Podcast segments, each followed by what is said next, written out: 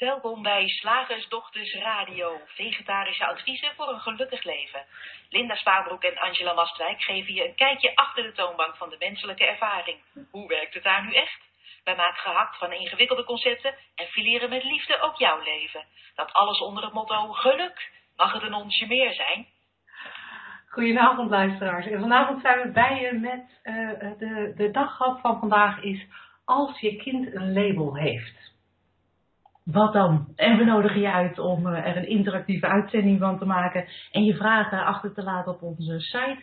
Even een uh, intikken in de box en dan kunnen wij hem hier lezen en gaan we je antwoord geven. Ja, en het uh, boxje is een klein beetje verplaatst op de, op de website. Hij staat nu onder waar jij moet klikken om naar ons te luisteren.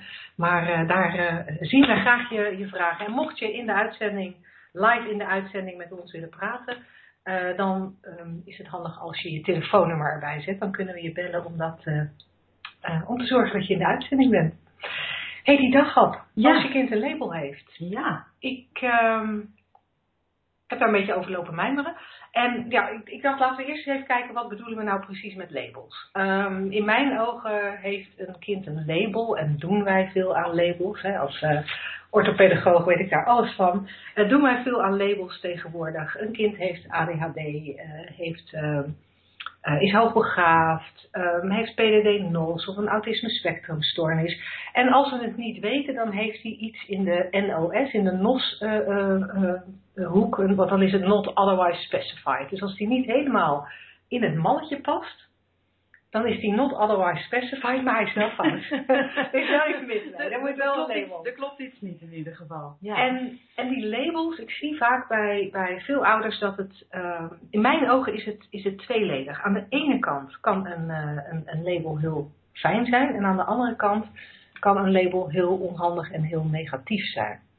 Waar ik zelf zie dat het handig kan zijn, is als je kind um, een wat meer individuele behoefte heeft. Niet zo goed in het onderwijs past in die zin dat hij, dat hij nou ja, in een klas van 30 kinderen past. Ik zeg hij, maar uh, hoor zij als jij een dochter hebt.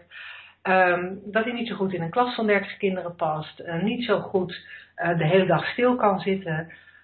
Dan kan een label helpen om de leerkrachten jouw kind wat meer bij hem of haar passende uh, hulp te geven. En het kan jou helpen om ook voor je kind misschien activiteiten of een bepaalde manier van opvoeding aan te leren die net even beter op het kind is afgestemd dan, uh, nou ja, dan, dan wat je misschien van nature doet of, uh, of, of wat er gewoon zo gebruikelijk in je gezin gaande is. Dan kan zo'n label handig zijn. Ik heb zelf uh, uh, ook twee kinderen met een label. En ja, dat is een label waarvan iedereen altijd zegt, ja, maar dat is een handige. allebei, mijn kinderen, wat op. allebei mijn kinderen zijn ooit gelabeld als hoogbegaafdheid en uh, als hoogbegaafd. En dat betekent inderdaad dat wij sommige dingen beter snapten en daardoor op een andere manier met ze om konden gaan of andere activiteiten met ze konden ondernemen. Maar aan de andere kant kan zo'n label ook vrij negatief zijn, omdat wat er in mijn ogen gebeurt, je snel um, ja, je ook gaat aanpassen aan het label. Dus uh, het, het label schrijft voor dat ik me als ouder op een bepaald manier, bepaalde manier gedraag naar mijn kind. Maar het label schrijft ook voor dat mijn kind zich op een bepaalde manier gedraagt. En, um, en daar zie ik nog wel eens, uh, daar, zie, daar zie ik nog wel eens dingen gebeuren. Dat kinderen zich inderdaad naar hun label gaan gedragen. Uh, en je, je je, je afvraagt of dat nou allemaal wel zo hard nodig is. Hè, of, of, of, of, dat wel echt is, of dat hij, dat hij ingaat op hoe de omgeving hem uh, behandelt. En daar kom je denk ik een beetje aan, aan waar wij vanuit drie, drie principes perspectief, vanuit drie principles perspectief, denk ik graag iets over willen zeggen. Dat we met zo'n label vaak meer naar het label kijken dan naar het kind zelf. En dat we het label als waarheid gaan beschouwen. Oh, dit kind heeft ADHD. Oh, dit kind is. Nou ja, en dan volgt er, dan volgt er een label. Want het kan natuurlijk. Hè, wij ik heb het nu even over de meer psychologische labels, omdat dat voor mij als orthopedagoog erg de hoek is uh, die, ik heb, die ik heb ervaren. Maar ik kan me ook voorstellen dat je uh, dat, dat, dat labels ook gelden als een kind in een rolstoel zit, of een kind astma heeft, of een kind een andere ziekte heeft. Dat daar dan ook toch een label op komt van het zieke kind. En als we alleen nog het label zien van het kind, gaan we ons daar snel naar gedragen. Ja. En wat we dan niet meer doen, is het kind zelf zien. En we zien ook meer de ziekte, of dat nou de psychologische of de lichamelijke ziekte is, dan het welzijn dat er ook in het kind zit.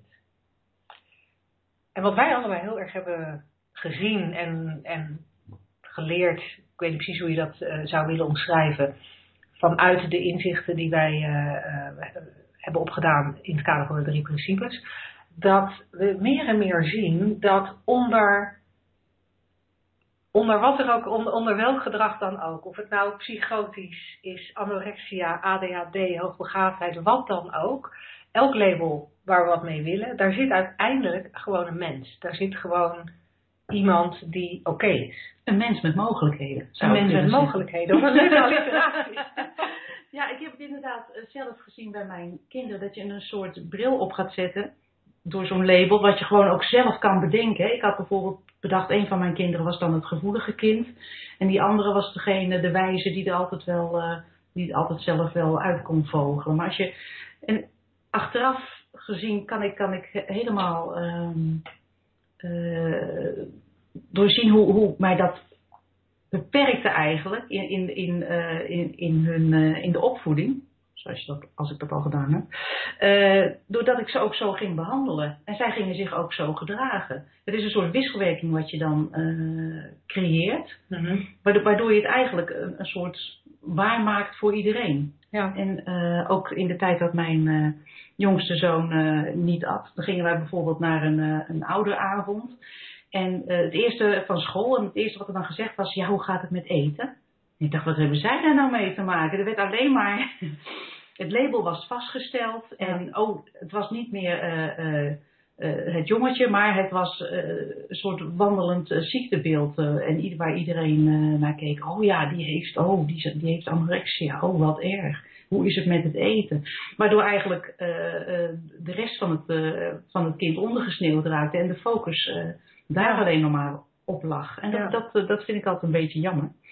En ehm, ik wilde daar nog iets over zeggen, maar.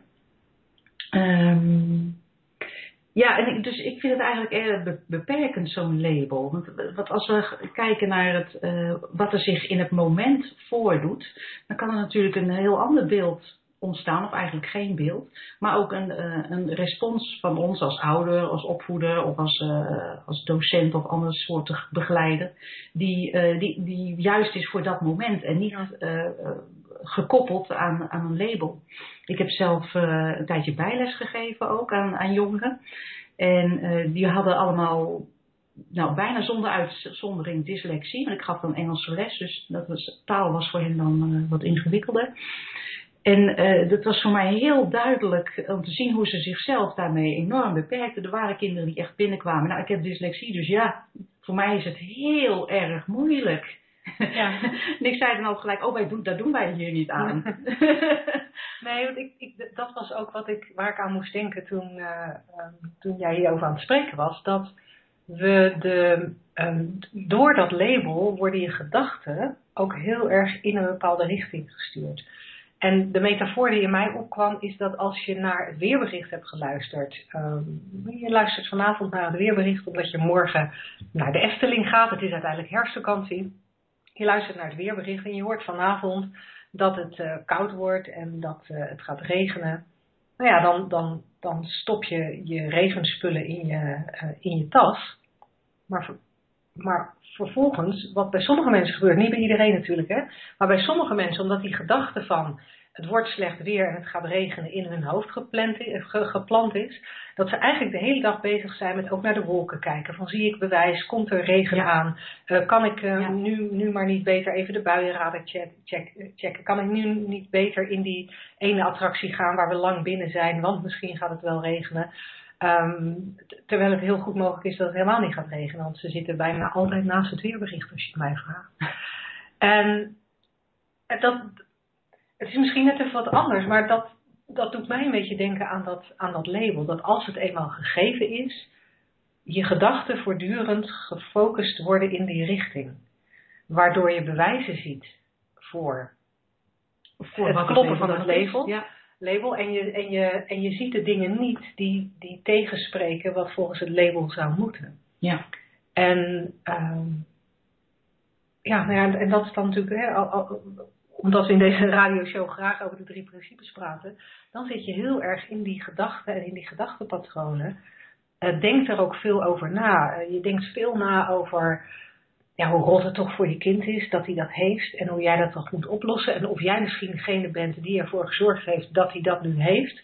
Want ja, had jij niet tijdens je zwangerschap dan eigenlijk misschien toch minder bruine benen moeten eten en, en, en, en meer spinazie. Ehm, we komen, er komen de gekste dingen in ons hoofd op die ons heel erg bezighouden.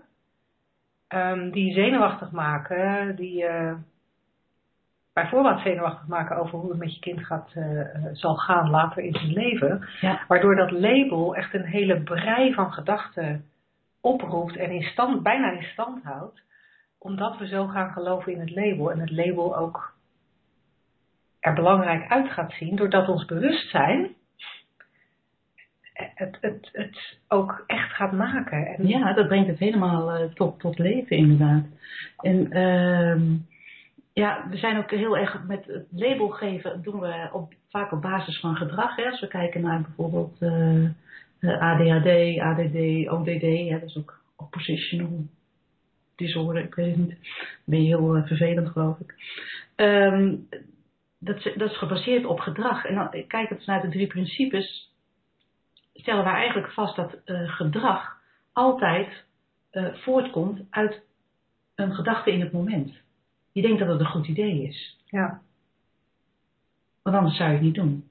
En iedereen doet zijn best in elk moment. Maar als jij nu eh, heel erg drukke gedachten hebt, dan komt dat waarschijnlijk tot uiting in heel erg, heel erg druk gedrag. En dan gaan we met die labels dus kijken, wat is het gedrag? En daaraan, aan de hand daarvan gaan we het mens kenmerken. En dan kijken we niet meer eigenlijk waar het vandaan komt. En dat eigenlijk de oplossing ligt in een stukje, een stapje daarvoor. En niet in het behandelen van het gedrag. Of eh, eh, het ons aanpassen aan het label. En dat vind ik een beetje, een beetje jammer altijd. Ja, dat is super jammer, omdat daarmee volgens mij veel mensen, en wat jij net ook al aangaf, wat gebeurde bij jouw bijles, eh, dat veel mensen zich gaan gedragen naar hun label. En ehm, dat is vaak niet, dat is vaak niet Nee. positief. Nee, want En- daarmee sluit je heel veel, heel veel mogelijkheden af. Ik had, ik had één jongen die, die bijvoorbeeld, een extreem voorbeeld, die kwam, ik denk twee maanden voor zijn eindexamen met, met, met de fatalistische overtuiging. Ik heb dyslexie, mijn hele leven had nog nooit een voldoende gehad voor Engels. Want ja, hij had dyslexie. Bij elke fout die hij maakte, zei hij, maar ja, dyslectisch hè. hij hing daar zo enorm aan op. Dus op het moment dat ik tegen hem zei, nou dat doen wij niet aan, was hij eigenlijk al zijn houvast kwijt was heel grappig. En we zijn gaan zingen, we zijn filmpjes gaan kijken, we zijn eh, gaan kletsen over onderwerpen die hem heel erg interesseerden. En eigenlijk, hij vergat een soort het label, hij werd helemaal meegenomen in de leuke dingen die we deden. En na twee maanden deed hij eindexamen en hij haalde precies het gemiddelde cijfer van Nederland. Dat vond ik, is echt een extreem voorbeeld. En Ja. dat kan ik hem nooit geleerd hebben in twee maanden, dat bestaat niet. Maar op een of andere manier had hij, was hij zo vrijgekomen van, van wat hij altijd dacht wat zijn beperking was.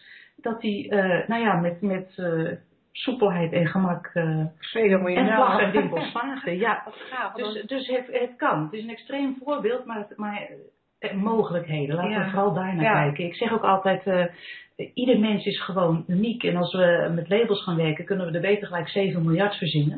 En dan zetten we er allemaal mensen op. Dan zijn we gelijk klaar ook met de DSM. Ja. Ja. Ehm, nou, ik zie dat Gerard een vraag heeft eh, gesteld eh, ehm, eh, in, het, hè, in dit kader. Daar komen we straks graag op terug. Gerard, dus blijf aan de lijn. Ehm, ik denk dat het eh, tijd is voor ons eh, volgende item. Slagersdochters, wat zit er in de leverworst? Oftewel, tijd voor wat wetenschap. Ja, wetenschap. Eh, deze week heb ik een artikel uit de New York Times eh, gelezen voor dit eh, onderdeel van ons programma. En dat ging over schizofrenie. Dat is een, een, een ziekte waaraan vele mensen lijden, in 1% in Nederland. En het wordt ook als chronisch aangemerkt. Als het helemaal vastgesteld is, je komt er niet meer van af, zegt men. En de voornaamste behandeling bestaat uit het geven van medicijnen. En dat artikel uit de New York Times vertelt ons dat er in Amerika een grote, grootschalige studie is gedaan. Die heeft uh, zeven jaar geduurd. Het de grootste studie naar schizofrenie tot nu toe op dit gebied. Gefinancierd door de overheid.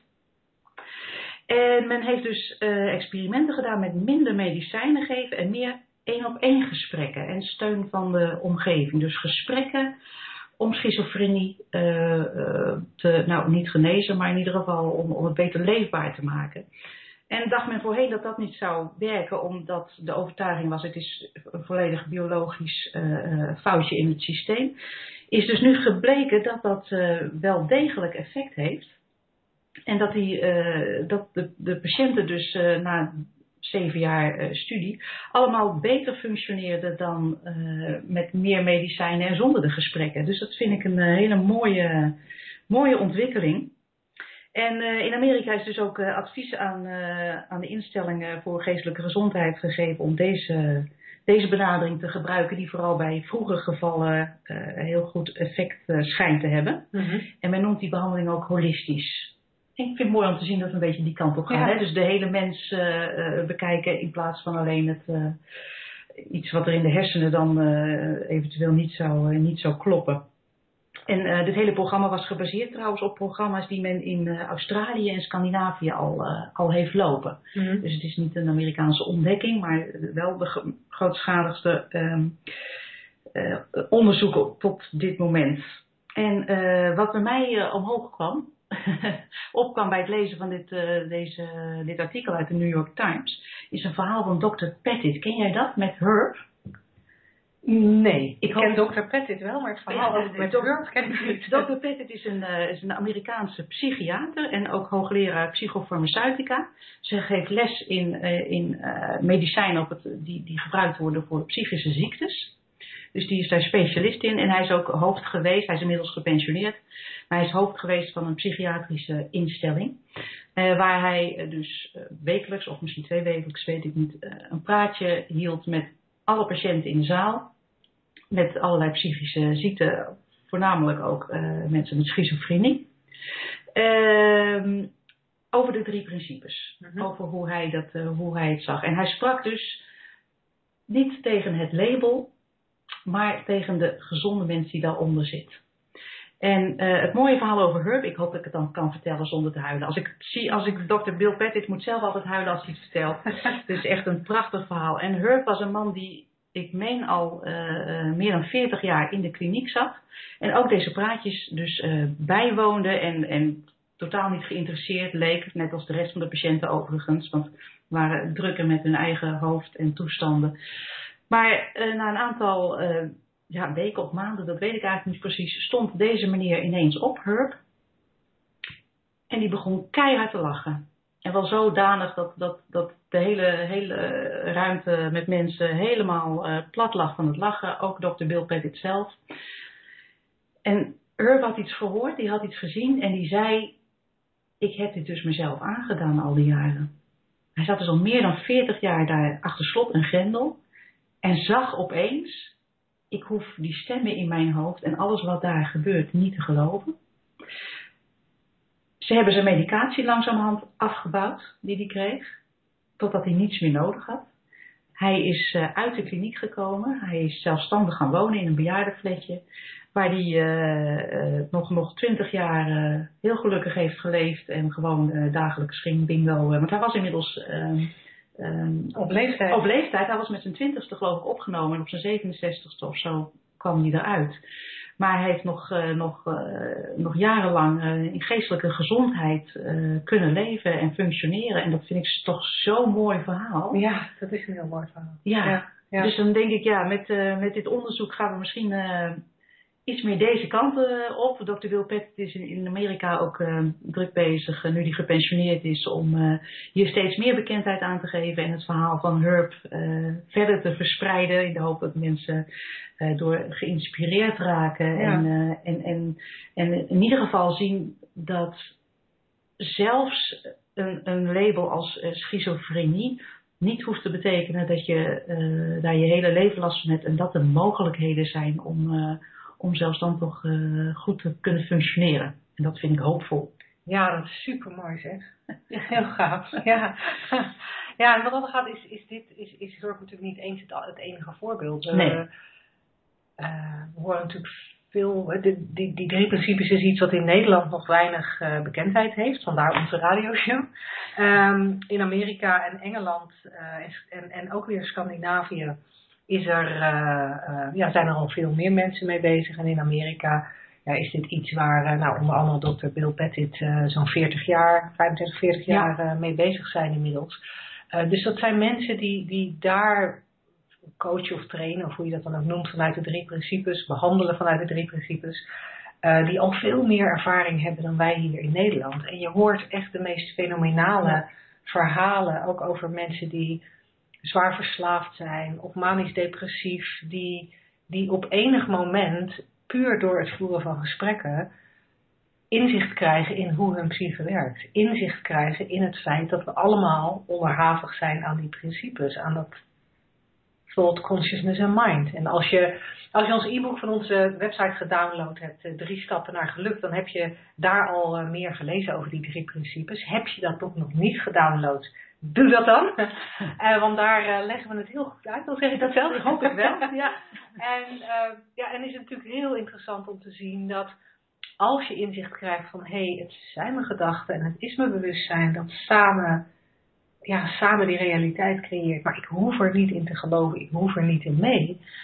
Um, ja, dat, dat mensen dan eigenlijk zonder zwaarwegende therapie, zonder dat ze met zichzelf in gevecht moeten, zonder dat ze zichzelf hoeven te ontkennen, uh, veranderingen doormaken. Inderdaad van medicatie afkomen, niet langer depressief zijn. Ik ken, ik ken iemand uit Noorwegen die uh, heel, heel, heel depressief was, uh, in een kliniek zat um, daar ook elke dag therapie had. En, maar ook, ik zeg in een kliniek zat, en volgens mij had ze dagbehandeling, want ze had daarnaast ook gesprekken met een drie principles coach. En op een gegeven moment, uh, en ze, zat al heel, ze was al heel lang bezig met die, uh, met die behandeling, ik geloof iets van een jaar of zeven. Uh, en op een gegeven moment ging ze gesprekken voeren met een drie principles coach. En zonder dat zij er iets voor deed, ze bleef gewoon naar die therapiegroep gaan, ging ze merken dat ze eigenlijk niet meer zo depressief was. Um, maar wat zij merkte, en dat vind ik ook heel interessant in het kader van labels, zij merkte dat toen ze wilde stoppen met haar medicatie, um, dat, dat haar artsen daar heel erg tegen waren, want ze, had, ze was depressief en dat zou nooit overgaan. En um, toen ze uiteindelijk toch minder medicijn is gaan slikken en, en ook nog eens aankondigde in haar therapiegroep dat ze ermee ging stoppen, omdat ze niet meer depressief werd, werd, werd, de groep werd heel erg boos op haar, omdat ze haar label losliet. Ja. En dat vind ik fascinerend. Ja. Ik, nou ja, ik heb haar inmiddels ontmoet. Er is, ik, ik ken weinig mensen die zo blijmoedig zijn als zij. en dan kan je niet, ja, jij misschien ook ja. Maar dat kan je, dat kan je, echt, dat kan je echt niet spelen. Dat, dat, dat is gewoon ja. zo. En tuurlijk heeft zij net als iedereen echt wel eens uh, een minder moment. Of echt wel eens gedachten ja. waar je niet vrolijk van wordt. Maar ze ziet, net als wij, dat het, dat het gedachten zijn. En, dan, en, en alleen dat al, dan, ja, nou ja, dan is het er wel. Dan voel ik me wel waardeloos. Ik heb, vandaag, ik heb vandaag iemand over de vloer gehad die mij ging helpen mijn werkkamer op te ruimen. Nou, kan je vertellen, daar kreeg ik heel veel gedachten van. die ging van alle positief waren. Wat een luxe. ja, super luxe. Maar um, maar uiteindelijk kan ik dan wel gewoon neutraal blijven tijdens zo'n dag. Omdat ik al die gedachten die door mijn hoofd razen, ik neem ze niet meer serieus. Een jaar geleden of twee jaar geleden zou ik in tranen gegaan zijn over dit hele proces. en nu het zo, ja. Als je... oh, er is weer zo'n gedachte over, dit kan niet, dit mag niet, dit is niet goed. En, uh, um, en, en, en dat was bij die vrouw uh, waar ik net over sprak precies hetzelfde. Dus, dus ja, zij heeft af en toe nog eens depressieve gedachten. Maar ze is op geen enkele manier, ja wie niet, maar ze is op geen enkele manier depressief meer. En, en dan toch je omgeving die dat niet wil. Ja, nou maar dat, dat, uh, dat, dat herken ik ook wel inderdaad, dat zo'n label ook een houvast kan bieden. In het begin, toen mijn, uh, toen mijn zoon uh, stopte met eten, toen ben ik mij eens gaan verdiepen in, in de eetstoorniswereld. En wat ik daar tegenkwam, ik, ik, ik had besloten al direct, daar wil ik geen deel van uitmaken. Dat is niet mijn wereld. Maar ook heel erg dat er, ehm, ehm, dat het een houvast kan zijn voor mensen. Van nou, dit heb ik. Hè, ik heb iets. En het is, het is dus, en meer mensen hebben dit. Dat voelt een soort, soort veilig. En er is iets om tegen te vechten. Er is iets om van af te komen. Er is iets om te doorbreken. En dan, dat je kan wel een- wat te doen. Ja. dat kan een hele wereld opleveren en ook heel veel eh, steun en aandacht. En, en, en begrijpelijk is dat, is dat misschien in zo'n eh, situatie best fijn. Aan de andere kant kan het je ook in zo'n soort krabbenwand eh, eh, terecht doen komen, waar eh, de eerste de beste die eruit klimt weer terug wordt getrokken. Van, je ziet dan ook op zo'n zo'n forum waar ik dan, wat ik dan wel eens gelezen heb, van nou dan is er iemand een week al een beetje, een beetje weer in een laat me zeggen, normaal eetpatroon. En dan is het nou, maar wel, ja, dat is mij ook wel eens gebeurd. Maar er is, wel uitkijken voor terugval. Hè? En, en weet je, dat je een soort eh, idee krijgt eh, dat, het- dat, er niet, eh, ja, dat het ook wel een beetje in stand moet worden gehouden. Ondanks Ja. alle steun die er is en alle aanmoediging, is het Ja. er ook alweer een hele veilige boxje om in te zitten. Ja, Zoiets. ja, dat is interessant hè, dat zo'n label inderdaad die veiligheid geeft. Ja, en dat is volkomen onschuldig natuurlijk. Ja. ja. En als je dat kan zien en als je kan zien dat het nu best handig is om dat label even te gebruiken of te misbruiken. Zo, maar zolang je er maar niet te veel in gaat geloven, denk ik. ja. Als je er te veel in gaat geloven, dan, dan word je je eetstoornis Ja. of je andere stoornis. Ja, ja. ja. Ja, en dat is, dat, is, dat is jammer, want we zijn zoveel meer in de kern. Hè? We zijn Ja, natuurlijk, absoluut. absoluut. we zijn allemaal onderdeel van, eh, van mind, van die, van die, van die prachtige universele levensenergie. En dat, is, dat overstijgt eh, alle labels, denk ik. Ja, ja, cool.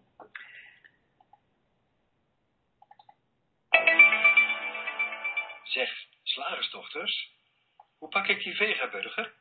Over naar de luisteraarsvraag. De luisteraarsvraag is, eh, er zijn er twee. Ehm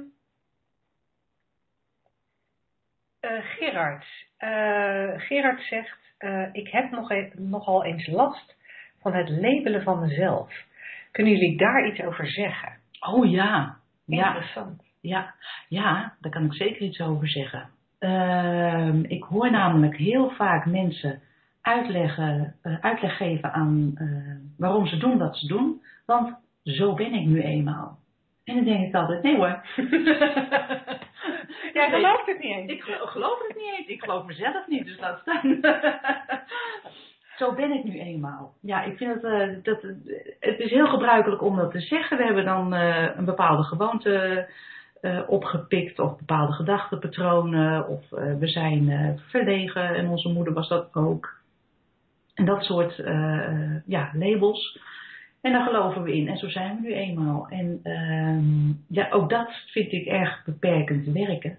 Ja, het enige wat ik zeker weet van mezelf is dat ik mens ben. Maar verder laat ik het zoveel mogelijk zoveel, vrij. nee, nee. Nee. Nee, ik, ben, ik, ik, want ik zit een beetje in mijn hoofd te, te, te filosoferen, en te bedenken over wat, eh, wat Gerard dan doet met zichzelf. En als hij last heeft van het labelen van zichzelf, dan neem ik aan, en als ik het mis heb, typ dat dan vooral in het eh, Q&A-boxje, Gerard, dan, eh, dan, dan kunnen we op het goede spoor, als dit niet het goede spoor is.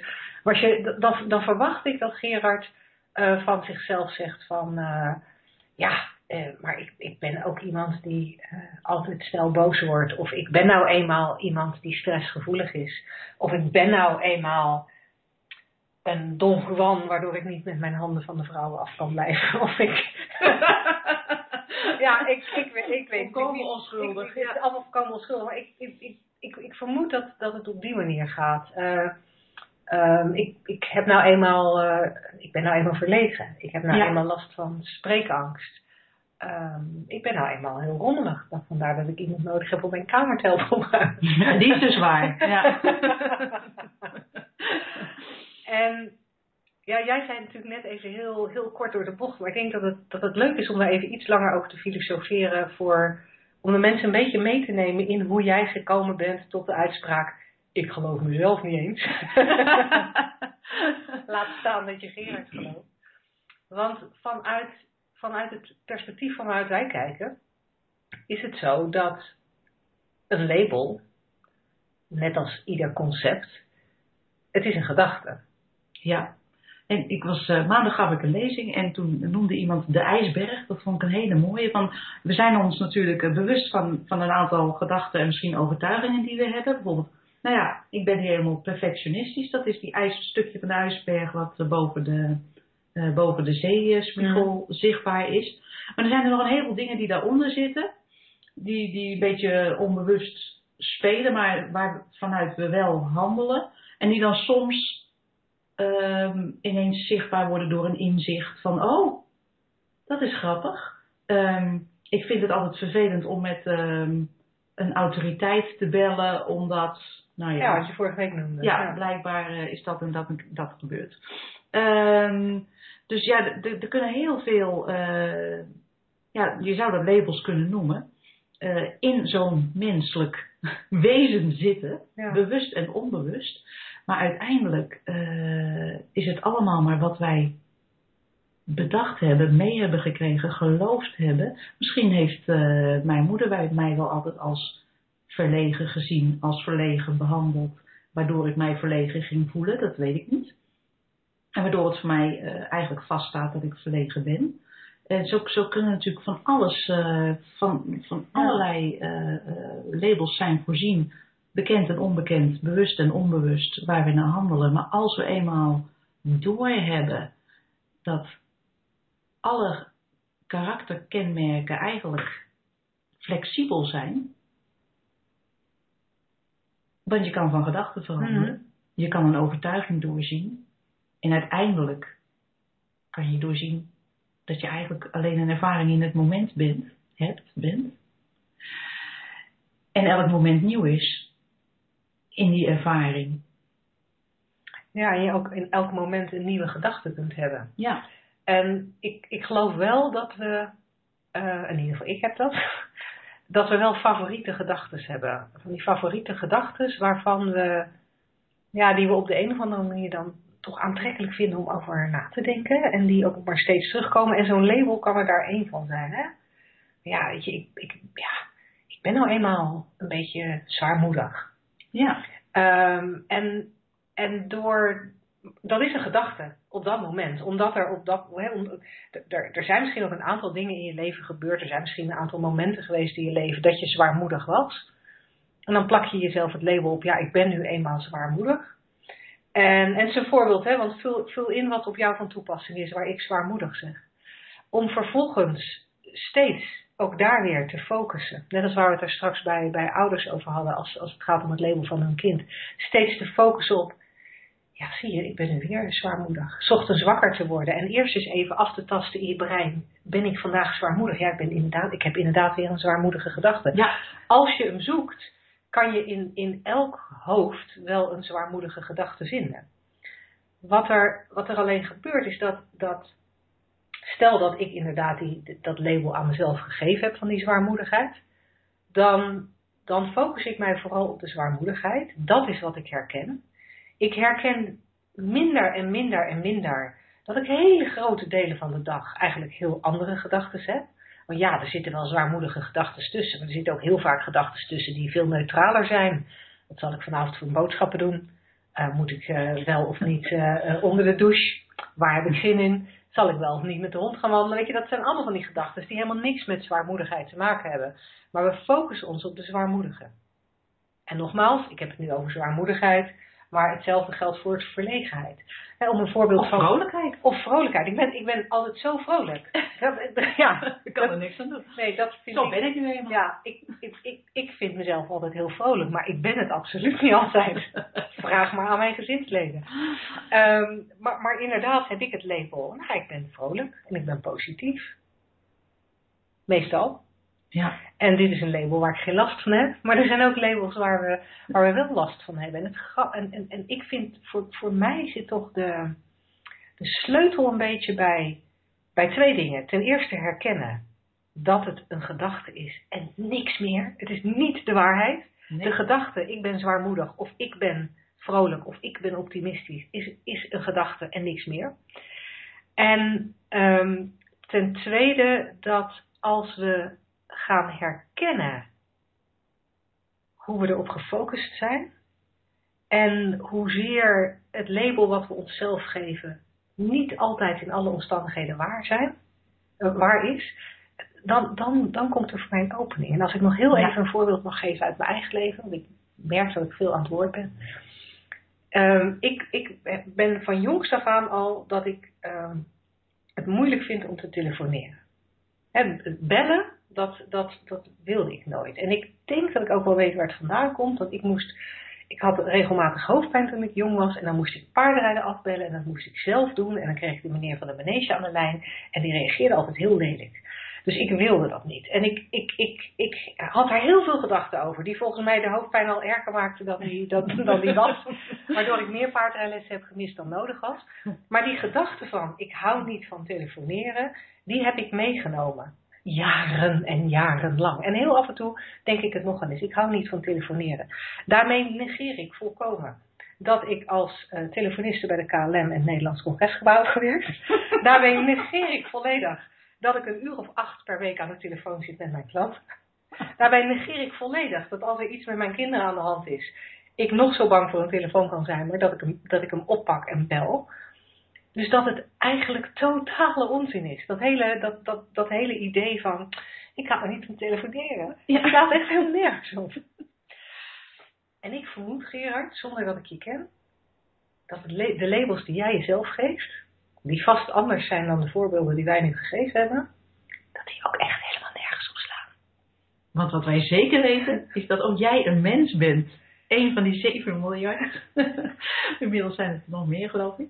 Um, um, um, en je bent volledig vrij daarin. Want dat is zo mooi. Als je ook naar, zo'n, naar, een, naar een klein kind uh, uh, kijkt, zo'n peutertje.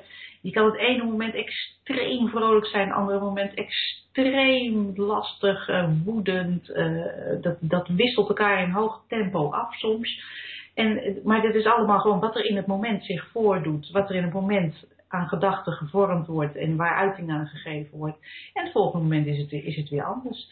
En um, ja, dan hebben we het wel eens over, nou ja, dit kind heeft dat temperament. En zoals ik mijn kinderen ook uh, labelde toen ze klein waren. Maar of dat waar is, ik, um, ik, ik denk nu altijd, laat ik eens uh, verder kijken. Laat ik eens open kijken. En, en, en, en niet vaststellen hoe het is. Dat geeft namelijk zo'n zo'n ruimte. Niet alleen voor, je, voor jezelf, maar ook voor je kinderen en voor je baas en voor uh, eigenlijk en de buurvrouw en iedereen om je heen. Dat, dat iedereen op elk moment een, um, zich opnieuw aan jou kan voordoen. Om het, dat is een hele rare, rare zinsconstructie ik nu zeg. Maar ik merk zelf, als, dat ik, als ik de bereidheid heb, en die heb ik niet altijd, want soms dan ben ik ook gewoon uh, heel lekker rechtlijnig, die, die is gewoon vervelend en, en dat is een, uh, een zeur. Uh, maar als ik de bereidheid heb om, om open te kijken, ook, naar, ook maar vooral naar mensen die ik denk te kennen, dat ik onverwachte aspecten zie en dat, dat dus mijn medemens in elk moment nieuw is, zoals ik dat ook kan zijn. Ik vind dat zelf een, een prettig uitgangspunt. Ja, en vooral dat, dat je in elk moment nieuw kunt zijn. Dus dat je, ja. uh, dat, zelfs als je jezelf labelt, dat helemaal niet erg is. Want daar kan je het volgende moment kun je het label weer loslaten. Uh, en dat is, denk ik, dat is denk ik ook nog wel mooi om even bij stil te staan. Dat het, dat het niet zo'n ramp hoeft te zijn om jezelf te labelen. Nee. Ja, want ik, nou ja, goed, dan heb ik mij vrolijk gelabeld met het feit dat ik niet zo van telefoneren hou. En blijkbaar denk ik er niet vaak genoeg aan om er ook naar te handelen. dus dan is dat verder niet zo, dan is dat verder niet zo erg. Nee. En ja, als je nu het label op jezelf geplakt hebt van, van zwaarmoedigheid, ja, dat kan, dat kan je morgen loslaten. Of je kunt Ja. morgen doorzien, of misschien zelfs over een minuut doorzien, dat die zwaarmoedigheid niks anders is dan een aantal gedachten die je gelooft. En waarvan je denkt dat ze bij je horen, maar waarvan je in werkelijkheid, ja, die je in werkelijkheid los kan laten.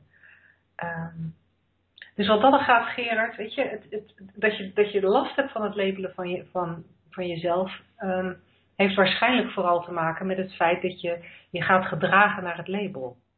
En dat lijkt me een hartstikke supercool experiment. Om gewoon, nou ja, oké, dan heb je jezelf dat label gegeven, maar om jezelf er dan gewoon eens niet naar te gedragen. Ja, doe eens gek. Doe eens gek, ja. ja. ik hou niet van telefoneren, maar morgen ga ik echt gewoon de hele wereld bellen. Ja, Ja. en ik hou niet van dansen, maar ik ga dit weekend wel naar de disco. Zo had, Zou ik, nog hebben? ja, zo had ik mijzelf er ook altijd van overtuigd dat ik een vreselijke hekel had aan zwemmen. En nu zwem ik twee keer in de week, omdat dat toevallig handig is, omdat dat eh, op het moment waar ik nu verblijf heeft daarnaast een zwembad. Dus dat is, dat is makkelijk en dat kan 's ochtends om 7 uur, helemaal praktisch. Eh, ik heb gemerkt dat ik zwemmen echt leuk vind. Ik ga bijna echt, eh, ik ga het straks missen als ik weer ergens anders ben. ik had echt mijzelf gelabeld als iemand die een vreselijke hekel had aan zwemmen, totdat ik, ging doen, totdat ik het dus ging doen. Ja, interessant. Hey, en, en, en had jij daar dan een soort bewuste, bewuste stap voor gezet van ik ga nu dat label eens even loslaten? Nee. Of was dat meer Nee. zo van het gebeurde gewoon op een Nee, dag? ik, ik zag dat ik een zwempak kocht ineens. En je was gewoon een zwempak aan het kopen. Ja, ik dacht, ze gaat zeker zwemmen. Nee, ja, het leek gewoon heel praktisch. Ik, ik, sta, ik sta op die camping eh, deze zomer en daarnaast is een zwembad. En ik dacht, ja, en de omgeving, eh, ik vind het fijn om te wandelen in bossen, maar het is meer een polderlandschap. Normaal loop ik veel, vooral 's winters als ik dan in eh, Portugal vaak ben.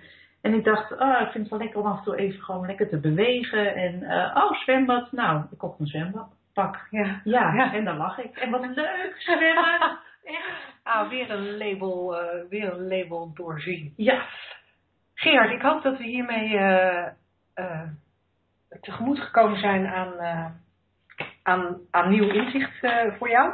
en anders eh, stel je volgende week gewoon nog een vraag. En dat mag best over hetzelfde onderwerp. Wij zijn de beroerdste niet. Geen enkel probleem. Eh, tijd voor het eh, volgende en laatste onderdeel. Woensdag, gehaktdag. Zeg slagersdochters, welk concept gaat er vandaag door de molen?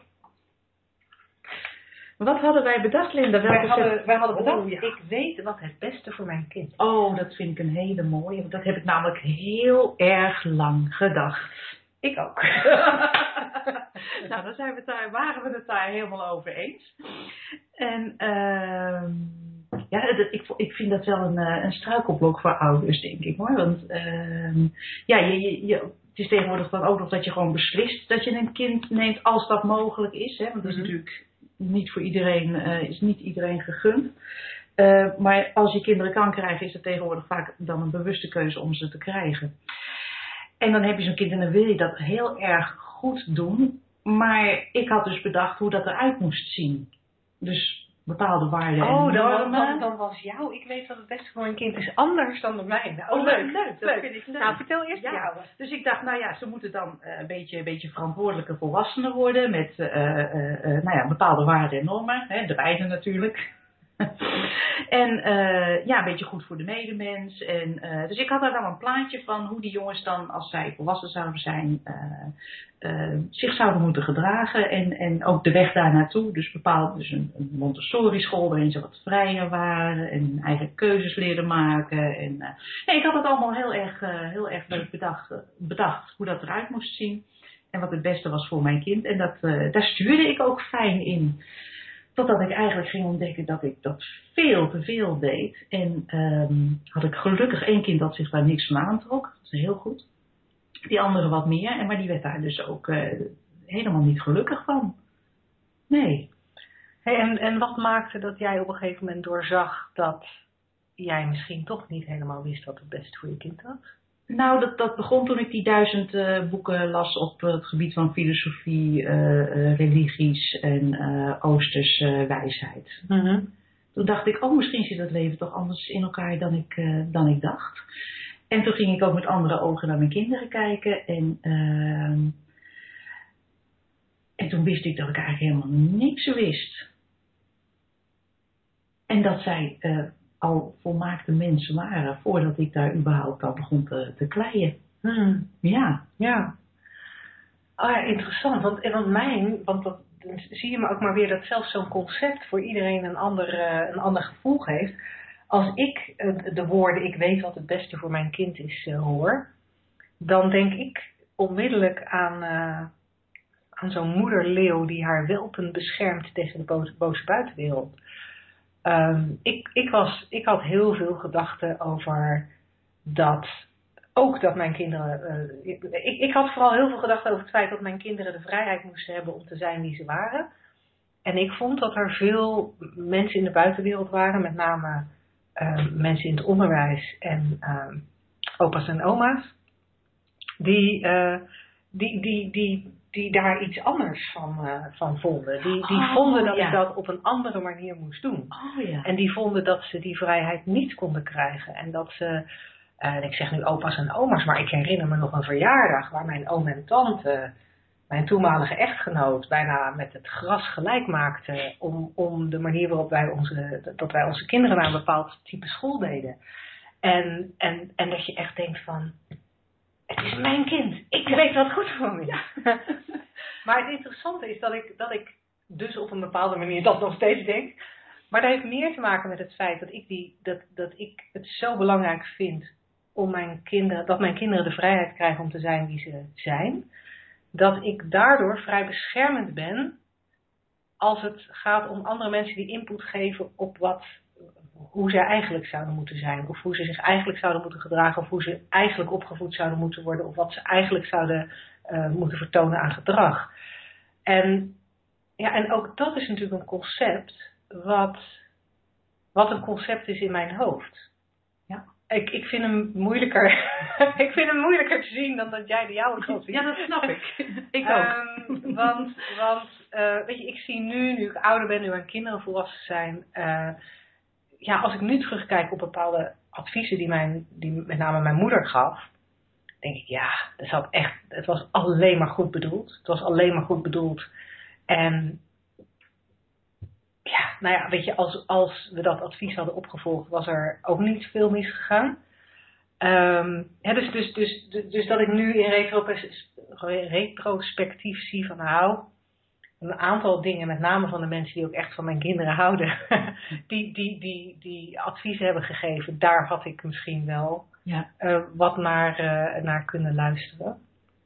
Ja, het is Uh, grappig hè, dat je zelfs in het vrijlaten dogmatisch kan worden. Ja. Ja, nee, dat... Ja. Ik ben daarna namelijk doorgeslagen naar de andere kant, dus daar had ik totaal geen regels meer.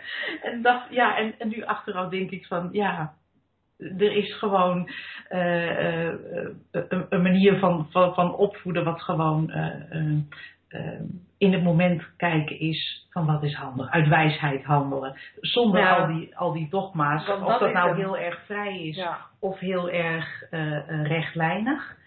Ehm, eh, ja, er is, er is een, een, een- andere manier die gewoon in het moment doet wat, wat handig is. En dat hoeft niet gerelateerd te zijn aan welke eh, eh, dogma dan ook. Of dat nou heel vrij is of heel, eh, heel strak. En, eh, en dat, dat lijkt de meest enge manier om het allemaal eh, op die manier vrij te laten. Waar, waar dus ook regels in opgenomen kunnen zijn als dat op dat moment handig Ja. is. Aan de andere kant denk ik dat het is de meest natuurlijke manier. Ja, en, en daar is het voor mij heel interessant om te zien dat je ook bij, hè, wel, we hadden het net over labels, maar ook het idee van ik wil mijn kinderen ehm, de vrijheid geven om, om te worden wie ze zijn. Ehm, dat, dat zelfs dat een, een, inderdaad een dogma kan worden en dat dat, dat dat ook weer je gedachten zo stuurt dat je de andere opties niet altijd even goed kan zien. Of niet, al, niet altijd even goed ziet, omdat je, omdat je zo gefocust bent over, ja, op, op, op, op, die, op dat gedachtenspoor. En wat jij zegt is dan natuurlijk wat je uiteindelijk graag wil. Dat je de, ja, in elk moment de rust in je hoofd hebt om je innerlijke wijsheid te horen. Want dat blijft voor mij nog wel een hele interessante. Dat, ehm, ja, mooi, die innerlijke wijsheid. Maar je moet hem wel kunnen horen. En als je heel vol in je hoofd bent met al je eigen vaststaande gedachten.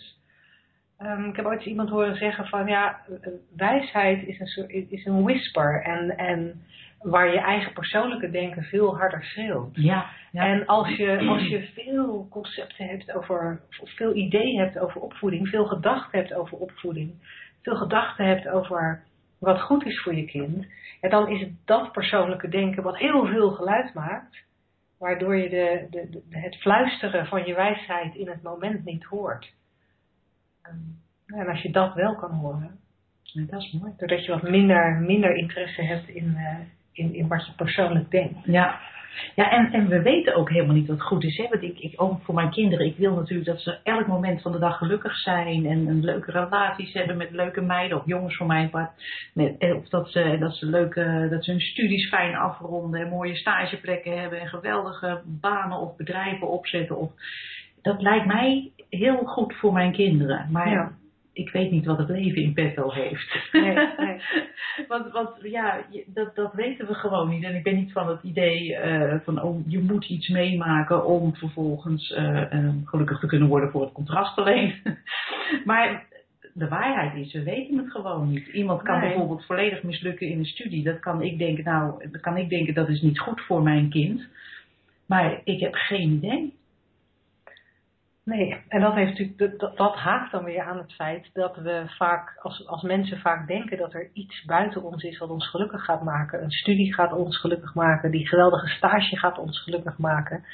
Maar uiteindelijk is het niet, is het niet, werkt het niet van buiten naar binnen, maar van binnen naar buiten. Wij creëren met onze gedachten in elk moment onze realiteit.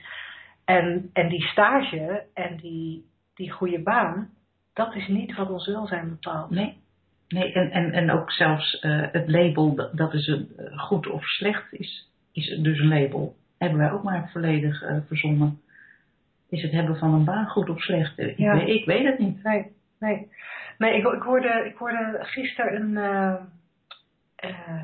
een mp3'tje van een drie principles teacher. En dat ging over, dat ging over dat het, het is misschien, ik, sorry, het is misschien een klein beetje besides the point. Omdat we het eigenlijk hebben over ik weet wat het beste voor mijn kind is. En dit gaat veel meer over ik weet wat het beste voor mezelf is. En, en, en dat ging over rust nemen. En dat je als, als mens, dat het gewoon goed voor je is om ook regelmatig rust te nemen. Maar dat wij in de westerse wereld, en hij beschreef dat het in, het, eh, in, de, in de oosterse wereld ook steeds meer begint op te komen, dat dat, dat hele Calvinisme van werken, werken, werken, en je mag wel rust nemen, maar altijd pas nadat je hard gewerkt Als je hebt het verdiend hebt. als je het verdiend hebt, dat dat, ehm, ja, dat, dat, dat, dat ook, dat, dat ook zo'n zo'n zo'n ding is. Dus weet Ja. je, we weten voor onszelf al niet eens. Ik kan, ik, sorry dat ik niet zo goed uit mijn woorden kan komen, maar we weten voor onszelf eigenlijk al niet wat goed is. Nee. Want we nemen die rust vaak helemaal niet. Eh, eh, want als we dan een keertje rustig aandoen, dan beginnen we eigenlijk alweer te denken, ja, is het nu niet te lang? Moet ik nu niet weer in actie komen? Want anders denken ze of denk ik van mezelf. Dus we weten al vaak niet wat goed is voor onszelf. En dan zouden we kunnen oordelen over ons kind. Ik ben bang van niet. Nee, nee. dat- We komen er uiteindelijk eh, denk ik op uit dat we, dat we steeds beter zien dat wij niets weten. En dat lijkt heel eng, maar wat een vrijheid ook. Wat een Ja. vrijheid. Je hebt echt een heleboel tijd voor andere dingen. Als Ja. je daar niet over na hoeft te denken. Ja, inderdaad. Dan Ja. doe je een radioshow hier of daar. Ja, ja, ja, helemaal gezellig. Je doet dus een roadtrip. ja, maar het, het, eh, het geeft wel. eh, eh, het maakt de dingen gewoon ook veel lichter als je weet dat je het niet weet. Voor je kind. Er gebeurt iets, een omstandigheid, of, of eh, eh, ehm, het kind gaat een andere kant uit dan dat jij gedacht had. Of, of, maar de wetenschap dat je het niet weet, dat je nooit kan weten hoe het uitpakt. Of het goed is voor je kind. Of dit toevallig is wat er moet gebeuren. Ik zeg altijd het gebeurt, dus dat zal wel. Ja, Eh, dit is wat er hoort. Wat ja, het is er namelijk. Ja. Ja, ja, weinig zin om, eh, om er iets van te vinden. Eh, dat, dat maakt het leven een stuk lichter. Ja, ik weet, het is een heel grappig voorval. Mijn, eh, mijn eh, zoon belde me een keertje en eh, toen zei hij van... eh, Mam, ik ben gestopt met roken. Hij rookte. Ik zei, ja, wat goed. Toen zei hij daar, Paul achteraan, en met mijn studie. En toen dacht ik, ja, en nou moet ik ineens heel erg droevig worden. Dus ik zei, jee, wat leuk. ja, want hoe weet ik nou dat dat niet net zo'n goede zet is als stoppen met roken? Als stoppen met roken al een goede zet is. Nou, dat vind ik wel een moeilijk om te doorzien. Ja, ja, die- daar geloven we wel in. Ik geloof enorm daarin dat roken slecht is. Ja, ja, sorry, maar die heb ik nog niet vermalen, dat concept. Misschien moeten we die de volgende keer eens doen. Maar eh, dat- dat tekent een beetje van hoe wij voortdurend eh, een situatie ook labelen. En uh, in, dat moment maakte ik de switch. Ik dacht, ja, dat kan wel net zo goed voor hem zijn als stoppen met roken. Ja, dat vind ik wel gaaf dat je dat ook Dat je dat dan ook heel blij kan zeggen. Ja, dat was met een aarzeling van een splitseconde, moet ik zeggen. dat ik me even realiseerde. Ik weet het niet. Oké, okay, ja, leuk. Ja, ja. Ja, grappig. Ja, gaaf. Ja. gaaf. Dus eigenlijk, ik weet wat het beste voor mijn kind is, is eigenlijk... Wel, ik weet het nee, niet. wij weten Ik helemaal weet het niks. gewoon niet. nou, dat lijkt me een eh, mooi moment om eh, deze uitzending te besluiten. Dank jullie allemaal voor het luisteren. Hartstikke bedankt. En eh, we, we horen jullie graag volgende week. Met vragen. En als je er niet bij kan zijn, vergeet dan niet dat je ons ook altijd kan mailen met je vragen. En dan eh, hoor je het antwoord op de mp3 later. Hey, tot de volgende keer. Tot dan. Doeg! The moderator has left the conference.